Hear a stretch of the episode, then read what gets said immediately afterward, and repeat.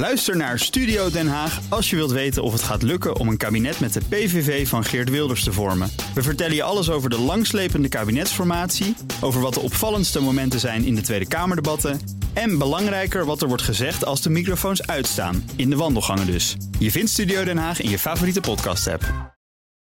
Dit is een podcast van BNR Nieuwsradio.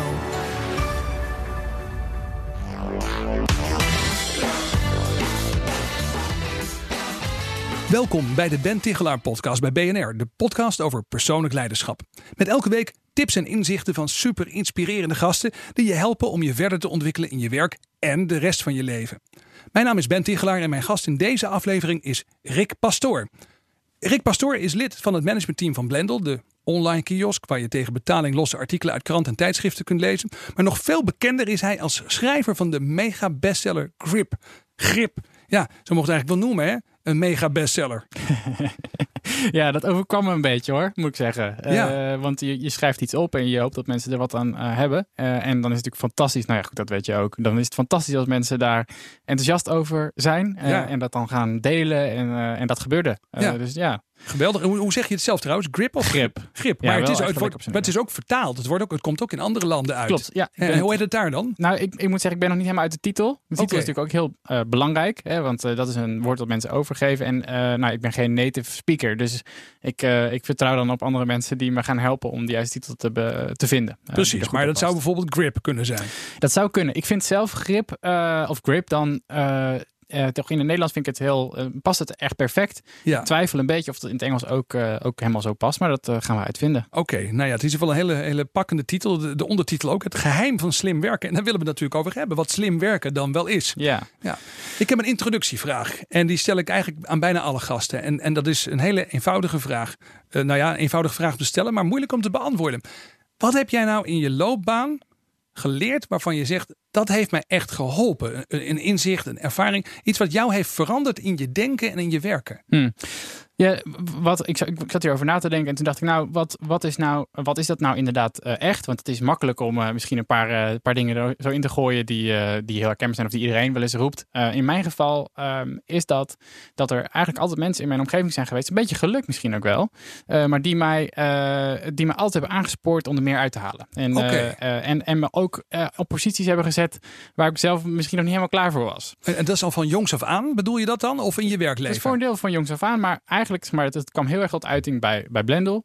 eh, waarbij eh Martin en Alexander, de, de, de, de founders van het bedrijf, Ja, maar eigenlijk al heel snel eigenlijk zeiden, ja, ga maar doen. Want eh weet je, wat er moet, moet gebeuren. want hoe kwam je daar binnen? Ik kwam binnen als programmeur. Als ontwikkelaar. Als ontwikkelaar, ja. ja, Dus, dus ik was een van de, een van de programmeurs. maar dan kom je binnen in een, in een start-up. En ik denk dat dat ook wel de les is eigenlijk die, daar, die ik daar zelf uit heb geleerd. Dat binnen een start-up is heel mooi. Want je kunt allemaal dingen doen waar je eigenlijk misschien nog helemaal geen, geen, eh, geen credits voor hebt. Dus je, nou, je bent Ja. nog niet eh, afgestudeerd als manager of als leider.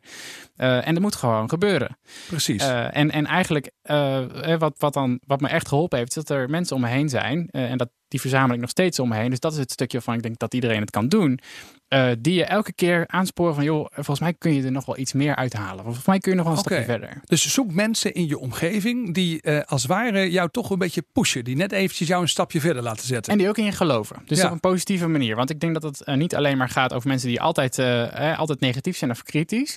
Ehm, maar ik denk dat het wel belangrijk is als je, dat, nou ja, dat je zelf ook invloed uit kunt oefenen op wie er om je heen invloed uit, wie er dingen te Ja. zeggen hebben over jou. Precies, dus ook een beetje waar je bijvoorbeeld solliciteert. Of waar je wilt gaan werken. Of met wie je samenwerkt als freelancer. Daar heb je zelf wel enige, enige sturing in, zou je Precies, kunnen zeggen. precies. Ja. En ik denk, ik geloof ook zelfs een beetje in je persoonlijke leven. Dus als het gaat over, eh, nou, misschien zelfs wel vrienden, waarvan je zegt, hey, Ja. misschien dat ik, eh, eh, dat, die, dat ik sommige mensen juist wel wat meer ruimte moet geven om iets over mij te kunnen zeggen. Ja. Maar dat gaat inderdaad ook voor je werkgever of leidinggever. Ik geloof wel als je dat gevoel hebt van, nou, ik, ik heb dat niet. Hè? Als je niet nu denkt, oh, ik heb, ik heb inderdaad iemand om me heen die in me gelooft en die me elke keer zegt van, nou, volgens mij kan er nog wel, volgens mij kun jij ook wel dit. Ja, Eh, dan kun je dat, daar heb je natuurlijk invloed op. Ik hoor wel eens mensen zeggen, ook als je bijvoorbeeld met sporten bezig bent, dat je dan eigenlijk samen moet gaan sporten met mensen die net wat, net wat beter zijn dan jij. Waar je mee omgaat, daar word je mee besmet. Dat is natuurlijk het, eh, eh, het ding. En dat, nou, dat heeft mij enorm eh, eh, geholpen en boven mezelf laten uitstijgen. Interessante observatie. En, dat, en hoe lang speelt dat al in je leven? Dat je dat ook zeg maar ziet, dat je dat zelf ook weet dat het zo werkt en daar dus ook nu wat, misschien wat meer bewust op stuurt? Nou, ik, ik heb hiervoor, voordat ik bij Blendel werkte, een eigen bedrijf gehad. En dan speelt het toch ietsje minder. Want dan werk je met klanten. Hè, en die moet je zelf overtuigen dat ze graag Ja. met je willen werken. Eh, en dit, dit kan bij, echt bij Blendel kwam het heel erg tot uiting. Dat ik gewoon dacht, ik ga lekker programmeren. En dat Ja. ik elke keer zo van, nee, eh, volgens mij kun je ook wel dit doen. Volgens mij kun je ook wel eh, dit organiseren of dit voor elkaar krijgen. Ja, ja. Nou, ehm, laten we eens hebben over jouw ideeën over slim werken. Hè? Ja. Dat, dat, dat is toch wel een beetje waar je nu eh, heel bekend mee bent geworden. Eh, het interessante is, een paar jaar geleden werkte ik mee aan een enquête. Dat was voor het eh, eh, tijdschrift Management Team. Dat was een enquête onder Nederlandse managers. En het probleem nummer één, wat naar voren kwam in die enquête, was de strijd tegen de waan van de dag. Het is, dus het is iets wat heel veel mensen bezighoudt. E-mail, te veel, eh, werkdruk, voortdurende onderbrekingen. Bij heel veel mensen is het een, is het een soort chaos, zou je kunnen zeggen, op het werk. En, eh, en sommige mensen die worden daar ook echt bijna, bijna gek van. Ja. En, en nou, nou denk ik, oké, dan ligt er zo'n boek, Grip. En dat is zo'n jongen, die heeft er heel veel over nagedacht. Hartstikke leuk. Maar ja, waar begin je in vredesnaam? Dat Ja. is een vraag waar heel veel mensen mee komen. Wat is nou een simpele eerste stap waar je mee kunt beginnen als je meer grip wilt op, ja, op de werkprocessen, op je eigen dagelijkse functioneren? Waar, waar ik achter kwam is eigenlijk dat, eh, dat nou ja, onze tijd is eindig. Hè, laten, we daar, laten we daar beginnen. Je, Ja. je tijd is gewoon een ding waar je... Je kunt maar één keer kiezen waar je je tijd aan Ja. besteedt. En we hebben heel veel eh, hulpmiddelen om ons heen verzameld... die ons helpen om eh, ons hoofd leeg te houden. En we gebruiken een mailbox die, die ons e-mail organiseert. Het probleem bij die tools is dat ze eindig, of dat ze oneindig zijn. Oké, dus je leven is eindig, maar de tools zijn oneindig. Precies, en dat zorgt natuurlijk voor altijd frictie. Want Ja. mijn takenlijst die stopt niet. Nee, je Eh, kunt er zoveel opzetten als je wil. Ja. Precies. En dat geeft je in eerste instantie een goed gevoel. Nou, ik zet het erop en dan ben ik het even kwijt. Maar het moet ook nog gebeuren. Dus ik Ja. moet het ook nog doen. En ik kwam er eigenlijk achter dat mijn, mijn agenda, dat dat eigenlijk de, het, het ding is waar we, eh, we zet je, je zet je afspraken erin. En dan denk je, nou, dat is handig. Want dan staan Ja. ze daar.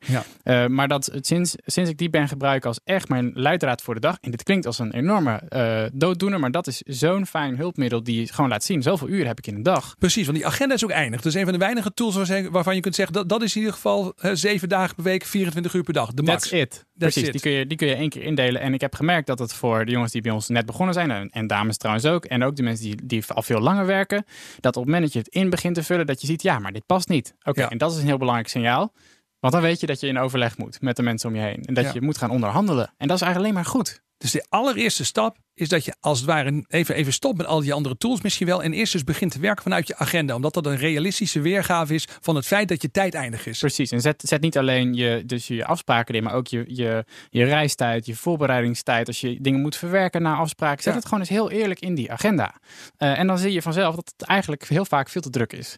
Ja. Ja. en dan heb je iets om naar je manager of leidinggevende te gaan en eigenlijk te zeggen, joh, sorry, maar kijk maar eens naar dit overzicht. Het, het, het kan gewoon Ja. niet. Ja, en je noemt het nu inderdaad naar je manager of leidinggevende. Maar ik denk dat je ook als je freelancer bent, dat net zo Oh, hard geldt natuurlijk. Absoluut. Ja, absoluut. precies. Dan weet ook gewoon dat het dan niet lukt. Ja. Ja, maar dan moet je als het ware de discussie aan met jezelf. En dat is natuurlijk een heel gek fenomeen. Dat mensen zelf allerlei dingen in hun agenda zetten waarvan ze zelf ook weten dat ze het zelf niet kunnen doen. Ja, ja. Ja. nee, dat is een ding. En ik denk dat eh, door het zichtbaar te maken, dat geldt voor heel veel hulpmiddelen natuurlijk. eh, zodra je het uit je hoofd eh, haalt, ja, dan is het fijn. Want dan hoef je niet meer alleen maar met jezelf te discussiëren, maar discussieer je ook met de tool. Ja. En dan heb je dus gewoon een agenda die gewoon heel objectief vaststelt. Dit gaat gewoon niet lukken, jongen. Ja. Dus ja, dan, dan moet je met jezelf, dan moet je toch met, met jezelf en samen met je agenda in gesprek. En dan komt daar een, een resultaat uit dat je weet dat je, oké, ik moet gewoon schrappen, ik moet minder dingen doen. Ja. Ja, maar goed, dat vinden heel veel mensen eh, geen plezierig proces natuurlijk. Hè? Dus erachter komt dat allerlei dingen die toch belangrijk zijn, eh, ook misschien wel dingen die je zelf hebt bedacht, dat die toch gewoon niet kunnen. En misschien stellen we wel onbewust die discussie met onszelf of met andere mensen daarom dat is, uit. Het is natuurlijk zo. En dat is ook eh, het is een soort van vluchtgedrag om eigenlijk te zeggen, van, nou, ik doe dat niet. Ik kijk er maar liever even niet naar. Eh, maar ik, vraag, ik, ik stel altijd de, de vraag van, joh, maar draai het dan eens om. Ben je gelukkig met hoe je het nu indeelt? Ben je gelukkig met hoe je je vrije tijd indeelt? Met hoe je je weekenden invult? En heel vaak zeggen ze dan, ja, nee, dat kan eigenlijk echt wel wat, wat prettiger, wat, wat meer ontspannen. Ja.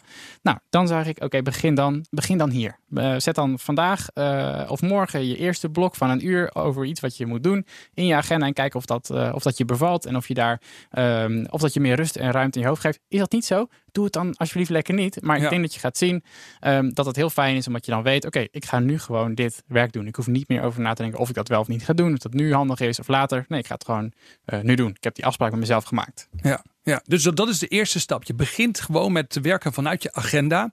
En, en ja, som, je komt vast ook wel mensen tegen die meteen zoiets hebben van dat is wel heel rigide of dat vind ik helemaal niet leuk of wat dan ook. Maar wat is je antwoord daar dan op? Nou ja, dan vraag ik me ook altijd af van, joh, maar hoe werkt je huidige aanpak dan voor je nu? Ja. Hè, heb je, ben je tevreden met hoe dat gaat? Eh, en heel vaak is het ook de vraag van, hey, ik ben heel creatief. Ik, ik, ik moet het hebben van de eh, spontane ideeën onder de douche. En eh, ik moet het hebben eh, als ik een keer fiets dat ik ineens een ingeving krijg. Hoe ga je, dat, dat, hoe ga je daar dan mee om? En dan zeg ik eigenlijk altijd dat eh, eh, die ideeën onder de douche en op de fiets, dat is oogsten.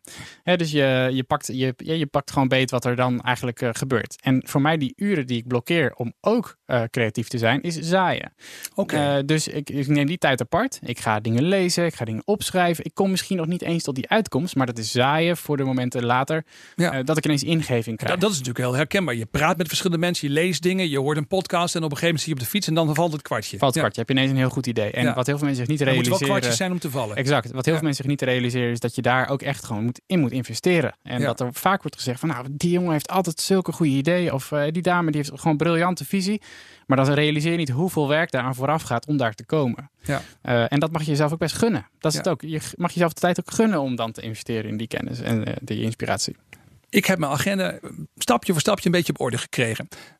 Tweede stap, wat, wat doe ik daarna? Als, als ik denk zo'n gevoel heb van nou, hey, dat, dat, dat, dit bevalt me wel. Wat, wat kan ik nog meer doen, zeg maar? Wat zijn nog meer dingen waar jij, eh, wat je zou adviseren? Ik, ik ga eigenlijk altijd daarna door naar de takenlijst. Eh, en dat heeft eigenlijk puur te maken met het feit dat onze hersenen gewoon niet zo heel erg goed zijn om je op het juiste moment de juiste dingen aan te reiken die je nodig hebt. Nee. Eh, En heel veel van ons slaan allerlei dingen op in onze hersenen. En ik zeg eigenlijk: stop alsjeblieft vanaf nu voor altijd met het opslaan van dingen in je hoofd die je nog moet onthouden. Want nou ja, je kunt je hoofd beter gebruiken voor leuke dingen. Ja, oké. Ehm, eh, en kies dan een, een takensysteem, een takenlijst of een to-do-app, wat, dan- wat het ook is. Ik zeg wel digitaal, want ik denk dat we nu niet meer echt eh, gemaakt zijn om gewoon allemaal dingen op te schrijven en dan over te schrijven. ja. Kies een digitale takenlijst en stop alles wat je in je hoofd hebt daar dan in. Ehm, en eh, dan zul je merken dat dat zorgt voor rust en ruimte in je hoofd. Nou, Ja. heb je weer meer, meer ruimte voor die creatieve ideeën. Dus en- iets en wat ik ooit zelf ook heb geleerd van David Allen, hè, dat, dat boek Getting Things Done, wat heel veel mensen wel kennen. Die, Ja. die zegt ook, eh, als je rust in je hoofd wil, dan moet je zeg maar allerlei to-do'tjes en st- stuff, zoals hij het noemt, moet je eruit halen en moet je in een systeem stoppen. Ja, ja, Ja, en jij zegt dat moet een digitaal systeem zijn. Wat gebruik je trouwens zelf als tool? Wat raad je mensen aan? Nou, ik raad mensen aan om te kiezen voor of Todoist. Ja, Todoist is een, eh, een applicatie die zowel werkt voor je Android als je iPhone, als je Mac, als je Windows computer. Ja. Eh, of Things, wat een heel fijne applicatie maar die is alleen voor je Mac en je iPhone. Oké. En die twee zijn heel fijn, want ze, zijn, ze hebben heel erg een duidelijke mening over hoe je de software moet gebruiken. Oké. Waardoor het heel makkelijk is om ermee te beginnen als je nog nooit zo'n hulpmiddel hebt gebruikt. Ik hoor van iedereen. Todoist. oké, Todoist. Ja, of Things. Things. Oké, nou, en ben- dan loop ik dus blijkbaar een beetje achter. Want ik gebruik Wunderlist. Dat is dus eigenlijk niet zo goed. Wunderlist is prima. Zeg maar, ik, ik, ik zeg nooit tegen iemand, joh, je moet deze tool niet gebruiken, want als het voor je werkt, moet je het doen. Ehm, het ding van Wunderlist is dat het de, team al heel lang geleden is overgenomen door Microsoft. Die werkt Ja. nu aan een ander pakket,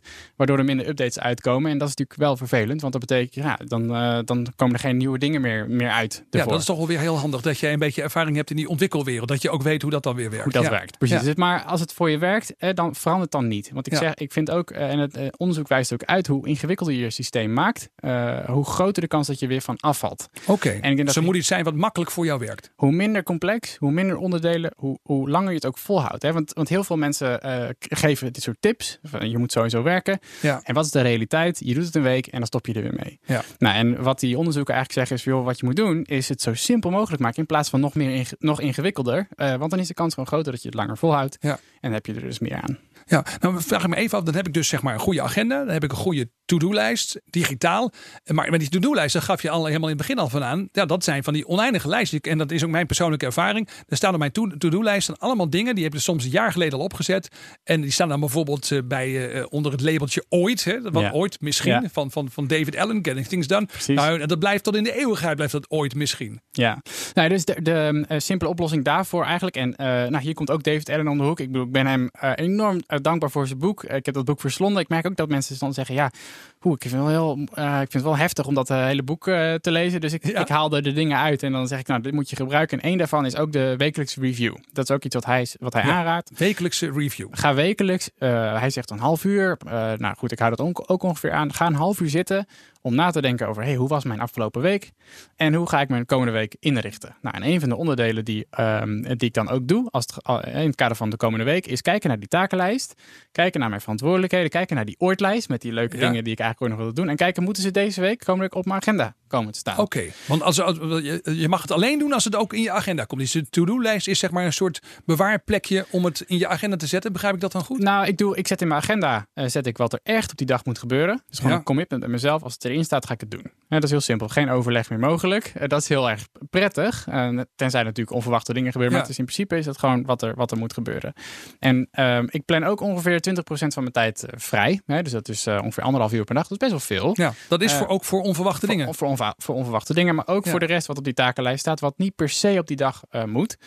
maar waar ik wel misschien aan wil werken als ik er tijd voor heb. Oké, dus, dus, je houdt daar bewuste ruimte voor. Je weet dat er op een dag, behalve de reguliere dingen die zeg maar vanuit projecten komen of samenwerken met andere mensen, deadlines, heb je daarnaast ook gewoon, precies onverwachte dingen, maar ook je to-do's die op die lijst staan. Ja, en wat ik dan aanhoud is de, wat ik een soort van drie trapsraket heb genoemd. Hè. Dus in het begin van de, van, uh, van de dag kijk ik altijd naar op elk moment eigenlijk wat staat er in mijn agenda, wat moet ik nu doen. Ja. Staat er niets, dan kijk ik naar mijn takenlijst. Okay. Uh, dan kijk ik naar alle dingen die ik daar ongeveer voor vandaag had opgezet. Ik, ik hou een beetje met, nou, als het ware met potlood, zet ik het een beetje neer. Zo van nou, dit is ongeveer morgen, dit is ongeveer de rest van de week. En dan ga ik daaraan werken. Staat daar niet, dan pas ga ik naar mijn e-mail. Oké. En dat is de derde eigenlijk in de drie trapsraket, want uh, nou goed, je zult vast herkennen hoeveel, de hoeveelheid e-mails, dat stopt niet. Ja. En, dat, en hoe meer je e-mailt... Die mensen blijven maar mee. Ja, mensen blijven. En hoe meer je mailt, hoe meer er ook weer terugkomt. Ja, um, en, dat is, moet, dan moet ik natuurlijk sowieso al mee stoppen. Dat is duidelijk, ja. Maar, maar ik, ja, ja. En ik geef eigenlijk een, een tegenstrijdig advies, namelijk uh, uh, plan meer tijd voor e-mail. En volgens mij doe je dat zelf ook. Oké. Okay. Uh, maar um, reserveer gewoon tijd in je agenda om die mailbox te verwerken. Want je vindt het blijkbaar zo belangrijk dat je op elk moment, hè, als je nou de reis van de kassa of net direct naar een meeting, misschien zelfs tijdens vergaderingen, die e-mails zitten bekijken. Ja. Blijkbaar is het wel belangrijk voor je. Dan maak er dan tijd voor. Want dan kun je het helemaal met, met je volledige aandacht kun je die mails verwerken. Dan kun je de belangrijkste mensen beantwoorden. Laat je, je er ook niet door onderbreken op allerlei momenten. Precies. Weet je zeker dat er niks belangrijks blijft liggen. En kun je met een gerust hart aan het eind van de dag zeggen, nou, ik heb gewoon alle belangrijke dingen heb ik afgehandeld. Heb ik, ja. heb ik gewoon gedaan. En ja, ik denk altijd, vroeger beschreven mensen ook brieven aan elkaar. En dat kostte ook tijd, correspondentie. Dus e-mail mag ook best tijd kosten. Maar ik wil niet voortdurend onderbroken worden. Nee. Dat is, vind ik eigenlijk zelf het vervelendste. Dat is heel vervelend. Maar, uh, maar heel eerlijk, die, die onderbreking die doen we natuurlijk heel vaak onszelf aan. Precies. Uh, want uh, die notificaties, nou, die, zet, die, zet die dan Zet die uit. Ja, Zorg al die, dat je die niet... pingetjes en zo. Ja, ja. Dat is natuurlijk stap 1. Zet die uit. En dan vervolgens, als je drie keer per dag een half uur neemt. S ochtends, uh, direct naar de lunch en aan het eind van de middag. Ja, dan kun je eigenlijk. Dan, dan is het niet zo heel vaak zo dat er iets urgents in die mailbox zit. wat je niet op tijd uh, behandelt. En als het echt heel belangrijk is, dan bellen mensen je, je echt wel. weet je echt wat te vinden. Als ja. hier het gebouw in de fik staat, dan, dan komen ze ons wel halen. Komen ze wel halen. Ja, hoef precies, je niet naar de mailbox te kijken. Ja, ik, ik ben heel. Ja, de grappige is, ik heb hier een keer eerder met jou gesproken, gewoon even één op één. En ik vind het opvallend om te zien. Jij bent echt gepassioneerd met betrekking tot dit onderwerp. Maar waar komt dat vandaan? Waar, waarom houdt jou dit, houdt dit jou zo bezig? Ik vind, uh, het is een leuke vraag. Ik, ik, ik vind het fascinerend dat, uh, dat zoveel van ons werk uh, eigenlijk beïnvloed kan worden met dit soort hele kleine, eigenlijk zijn het heel kleine dingetjes. Met, met jezelf mm -hmm. een afspraak maken dat je die half, dat half uur e-mail gaat doen. Ja. En bij elkaar telt dat op naar, naar hele grote dingen. En dat vind ik leuk. Ik vind het leuk om te zien dat, uh, nou, dat, dat geldt voor bij ons bij Blendel, wat we, dat, wat we in vijf jaar voor elkaar hebben gekregen. Daar ben ik trots op. Vind, ja. vind ik mooi. En dat is het echt niet in één keer dat er iets heel magisch gebeurt. Nee, dat is gewoon elke dag is gewoon je werk doen. Zorgen dat je afspraken Ja. nakomt. Zorgen dat je voortgang maakt. Zorgen dat je met elkaar communiceert. En ik vind het fascinerend om te zien dat het dus in die kleine details zit, waardoor je als je het optelt ineens iets heel groots hebt, hebt Ja. neergezet. En. Dus, dus eigenlijk zeg je ook, je kunt de wereld wel willen veranderen, maar als je je agenda nog niet eens op orde hebt, dan gaat het dus niet gebeuren. Dat is, dat is het ding. En, en heel veel mensen hebben natuurlijk ook grote dromen en ideeën. Van ik wil graag nog een keer een wereldreis maken. Of ik wil misschien een keer een boek schrijven. Of ik wil Ja. nog een keer, eh, nou, een, een keer een eigen bedrijf beginnen. En dan zeg ik altijd, nou dat is goed. Focus je vooral op het systeem. Dat je eerst je systeem inricht, je werkweek goed inricht. Zorg dat je daar geen stress van ondervindt. Ja. Dan heb je namelijk ineens ruimte in je hoofd om na te denken over al die grote, mooie, leuke dingen. eh, waar je echt aan, aan wil beginnen. Ja. Eh, en dus, dus inderdaad, zeg ik, nou, daarom ben ik zo gepassioneerd over die kleine, dat een beetje gerommel in de marge zou je kunnen zeggen. Dus Ja. hoe doe je de agenda? Maar dat is het dus niet. Dat zijn de kleine stappen die ervoor zorgen dat je iets groots bereikt. Ja, precies. Ja. precies. En dat, eh, dat, dat vind ik fascinerend. Ja, heel interessant. Hey, ehm, een vraag die mij altijd bezighoudt als ik met mensen spreek over een bepaald vakgebied is: wat is nou een, een mythe in jouw vakgebied? Of een mythe over jouw vakgebied? Hè? Eh, iets waarvan hele volkstammen geloven dat het zo zit en waarvan jij hebt ontdekt, maar dat is helemaal niet waar. Ja. Ehm, nou, ik, ik moest hier even over nadenken. ehm, eh, want ik vind, ik vind het een. Het is een beetje een spannende vraag ook. Hè? Want eh, wat zijn nou de dingen waarvan je normaal zegt van nou, dit, eh, dit, dit geloven andere mensen. Hè? Maar Ja, maar ik had jou deze vraag van tevoren gestuurd, omdat ik dan Ja. denk van ja, dat is toch fijn als mensen er even over nadenken. En ja, dat dat je ook was, gedaan. Dat was ook goed. Eh, want ik, ik zat te denken dat. ehm, ik ben ook geneigd om het zelf een beetje te doen. Het is, de mythe is dat, ehm, dat we denken dat we met, met kritiek, die we gewoon de wereld in slingeren, eh, dat we ook echt iets goeds bereiken. Oh, dat is grappig. Dat is een heel ander soort benadering opeens. Maar dat is, jij zegt dus, oké, we geloven te veel in het effect van kritiek. Ja, en, het, en, ehm, en dat kan. Kijk, we hebben bij, bij, eh, bij Blendel eh, veranderen we om de havenklap veranderen we van alles. Eh, en dan zetten we, gaan we ineens een hele andere kant op. En dat is nodig, want je bent een bedrijf en je, nou ja, je wilt dat dat voortbestaat. Precies, je speelt in op de omstandigheden in de wereld. Ja. Ja, en je leert en je maakt fouten. en we hebben ook, we hebben onlangs ook weer gemerkt hoe, hoe hard het eigenlijk raakt als mensen daar gewoon dingen over roepen zonder dat ze de hele context kennen. ja. En toen dacht ik bij mezelf, ja, maar dat doe ik ook. Ja. ik, ik roep ook Wat, van alles. wat werd er gezegd over Blendel? Wat Nou, jou over, raakte? over Blendel werd er gezegd van, hey, eh, eh, jullie zijn eigenlijk, eh, we veranderen van, van model. En we zeggen eigenlijk van betalen per artikel. Nou, daar gaan we afscheid van nemen. En we gaan eigenlijk ons Ja. helemaal richten op ons abonnementsmodel. Dus de transitie waar je nu in zit. Je zou kunnen zeggen, per artikel betalen naar een soort Netflix-model. Vast Precies. bedrag en dan kun je zoveel lezen als je wilt. Precies, en dat Ja. is een combinatie van dat we zien dat gebruikers dat echt leuk vinden. Dus Ja. het is echt niet alleen maar dat we denken, nou we moeten daar geld mee verdienen en dat is eh, de belangrijkste zaak van de wereld. We zien dat gebruikers dat heel leuk vinden, want ze hoeven niet meer na te denken over, oh moet ik nog meer geld uitgeven Ja. en hoeveel geld geef ik eigenlijk uit? Ja, ja dat gaat allemaal weg. Goed, maar er kwam kritiek op. Maar er kwam heel veel kritiek op, want mensen zijn, waren nogal, ja eigenlijk waren heel vaak wel ook heel boos over hoe we dat dan hebben gedaan, over wat, dat, eh, dat er een deel van het product waar ze, wat ze leuk vonden, dat dat gaat verdwijnen. Ja, Eh, en, eh, en ook een beetje over onze aanpak. Dus eh, nou, hoe, hoe- hè, wat we wel niet hadden verteld en hoe we dat, hadden, hoe we dat in de wereld wereldkundig hadden gemaakt. oké. En, ehm, eh, en los van. Los van wat daar wel of niet van waar is, ehm, Mhm. merkte ik eigenlijk dat dat, dat, dat principe, ehm, eh, dat ik dat dus ook doe. Dat ik ook mijn kritiek uit op dingen waar ik eigenlijk gewoon niet de hoed en de rand van weet. Nee, van, van een afstandje, je, je ziet iets en je, hup, je ja, geeft dit is, ah, dit is een dom idee. Dit is slecht uitgevoerd. Of dit, is, dit moet eigenlijk heel anders. Of ik weet wel hoe het werkt in de politiek. Of ik weet wel hoe het zit. Zus en Ja. zo. En eh, eigenlijk denk ik dat de, de mythe is. Ik denk dat dat dus eh, ook een, vooral een opmerking naar mezelf is. Hè. Ik bedoel, laat, dat, laat Ja. dat daar helder zijn. Maar dat ik me veel vaker ehm, en nog veel meer moet verdiepen in, in, het, in de persoon. Of in de- wat iemand aan het doen is. Voordat ik nou eens ga zeggen wat, hoe het eigenlijk anders moet. Ja. En eh, ik denk dat het daar eh, mooier van wordt. En ik denk dat het, eh, ik las vandaag ook nog op Twitter dat iemand zei.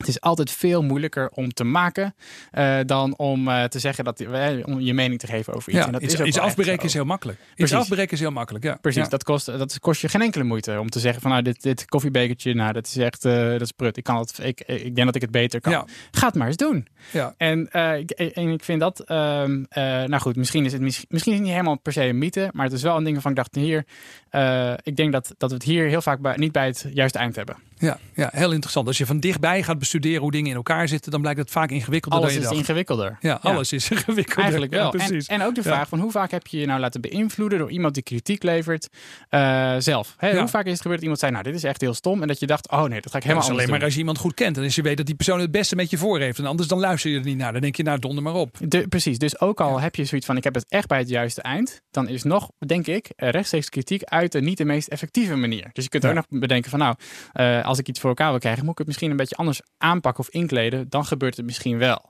Oké, Eh. Dus het heeft ook nog te maken met, eh, nou, als je iets voor elkaar wil krijgen, dat het gewoon niet zo handig is. Het is ook niet effectief. Nee, Nee. helder, helder. Zeg, ehm, we hebben ook altijd een verrassende vraag. En eh, ik wil je vragen of je een nummer zou willen noemen tussen de 1 en de 15. En dan komt er een vraag uit een envelop.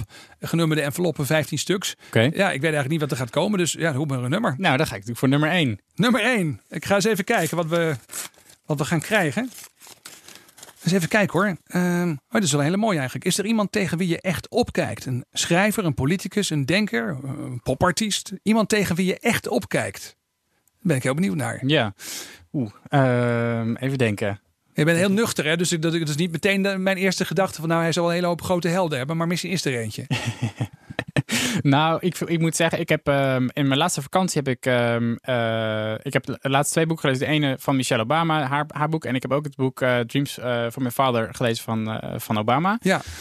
en sindsdien is wel mijn, en dat is, ja, misschien dat het, ik bedoel, meer mensen zullen dat, zullen dat misschien hebben. Maar ik, ik ben Ja. erg onder de indruk van, van zowel hoe goed hij kan schrijven. en Ja. over Barack. Eh, en, ook, eh, en ook gewoon zijn, zijn verhaal. En hoe hij dat, hoe die dat eh, wereldkundig heeft gemaakt. En wat hij voor elkaar heeft gekregen. Ja. Eh, dus dat is wel een, iemand tegen wie, ik, eh, tegen wie ik opkijk. Iemand die volgens zijn, zijn, zijn idealen leeft. eh, of lijkt te leven. Hè? Ik bedoel, dat kan ik natuurlijk Ja. niet in detail zien. Maar ik zie wel wat er, wat er, van, wat er van terecht komt.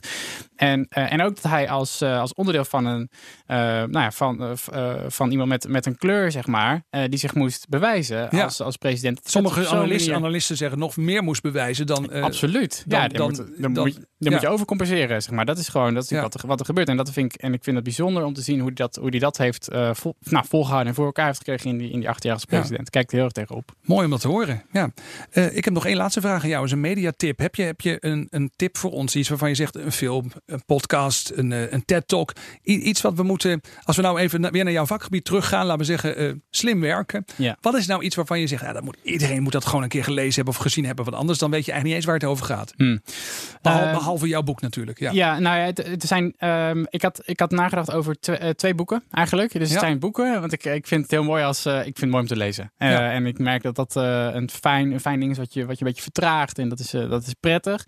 En ik heb de twee ehm, eh, waarvan ik denk, nou, die, die vind, ik echt, vind ik echt heel tof. De eerste, dat, is, ehm, dat is Team of Rivals. Dat is geschreven door Doris Kearns Goodwin. Eh, Team of Rivals Team is... of Rivals, ja, oké. Ja, Team of Rivals is een eh, biografie eh, van Abraham Lincoln. Oké. Eh beetje onverwacht misschien, maar ik vind het een fantastisch boek omdat ze, dus, omdat ze nou, vertelt hoe hij als president zich opstond tegen, tegen het principe van de slavernij. Ja. Eh, en eigenlijk eh, nou, hem, hem helemaal volgt en, en, en vertelt hoe dat voor hem, eh, hoe dat voor hem ging, hoe, dat, hoe hij dat heeft aangepakt. ja. Waar slaat die titel op? Team of Rivals? Team of Rivals slaat op het feit dat hij, en dat is ook heel bijzonder, dat hij eigenlijk een aantal andere mannen waren die ook mee aan het dingen waren om president te worden. En dat toen hij president werd, dat hij al die mannen heeft overtuigd om deel te nemen aan zijn kabinet. Oké. En dat is natuurlijk heel bijzonder, want Ja, dat zijn nogal. je vijanden. Hè? Dus dat zijn de mensen die, waar, waar je net van hebt gewonnen. En hij, hij wist ze te overtuigen om, om zijn kabinet eh, nou ja, te, te joinen. Eh, en om samen met hem te werken aan die, aan die cause. Want hij zich altijd wilde omgeven met mensen die het niet helemaal met hem eens waren. Ja. Ook ontzettend leerzaam. Ja. Super Ja. leerzaam. Gewoon het, ja, met dat, dat idee. Eh, tweede boek. Tweede boek eh, is een heel ander boek, maar dat is Principles van Ray Dalio. Principles. En het is een tof boek, want en je kunt het eens zijn of niet met zijn principes, maar hij heeft uitgewerkt in een heel lijvig boek wat zijn principes zijn, hoe die keuze heeft gemaakt en hoe hij zijn, zijn, zijn bedrijf leidde. Ja, Ray Dalio, dat is van, een- van een hele grote in, eh, investor. Hè? Klopt. Ja, Ja, hoe heet het bedrijf ook alweer? Oeh, dat is een goede vraag. Ja. Dat, antwoord moet je schuld Ja, gaan we even opzoeken. Ja. Ray Dalio en zijn, zijn boek heet Principles. Principles. Ja, hij heeft een boek geschreven over nou, hoe, hoe geef ik mijn leven mijn werkvorm. Eh, en eh, sowieso zijn het hele interessante principes, dat is één. Maar twee, wat er me ook aan denkt, is van hoe belangrijk en tof het is als je zelf je eigen principes zo duidelijk op papier zet. Dus of je het er nou mee eens bent of niet. Het heeft mij ook aangespoord om nog een keer opnieuw na te denken over wat zijn nou mijn eigen principes. Eh, en door die uit te werken, kun je ze ook aan andere mensen geven. En kun je op die manier slimmer met mensen, met mensen samenwerken. Eh, en dat heeft hij, eh, dat heeft hij heel eh, tof en heel eh, bijzonder mooi heeft hij dat vormgegeven, waardoor het een heel praktisch, ehm, ja, heel praktisch hulpmiddel is eh, voor, eh, om betere, slimmere keuzes te maken. Ja, leuk om dat te lezen. Ik zit ondertussen eventjes eh, heel snel te zoeken op mijn telefoon om te kijken waar hij nou eigenlijk eh, werkte. Want dat wilde natuurlijk eigenlijk wel even weten. Hij was, eh, even kijken, een van de, even kijken, een hele, hele effectieve en rijke, eh, eh, oh ja, hier is het ondernemer. Hij heeft een investment firm opgericht, Bridgewater Associates. Ja, ik had er eens een keer verhalen over gehoord over die man, maar ik was even de naam van het bedrijf kwijt. Ja. Bridgewater Associates. Dat is hem Ja, inderdaad. leuk. Ja. Nou, twee hele mooie boekentips. eh, Die gaan, we, die gaan we meenemen. Ik wil je ontzettend bedanken. Ik vond het superleuk dat je hier wilde komen. Heel graag gedaan. Goed, dames en heren, dit was mooi. Eh, dit was eh, Rick Pastoor. Heel erg bedankt voor het delen van je inzichten en je ideeën met ons. En dit was de Ben Tichelaar podcast bij BNR met als gast dus Rick Pastoor. Vond je dit interessant? Check dan ook de andere podcasts op www.bnr.nl slash Tichelaar. Ook Harm Edens vind je in de BNR-app. Je kunt BNR Duurzaam niet alleen live luisteren in de app, maar ook terugluisteren als podcast, zoals al onze podcasts. En naast dat de BNR-app Breaking News meldt, houden we je ook op de hoogte van het laatste zakelijke nieuws. Download nu de gratis BNR-app en blijf scherp.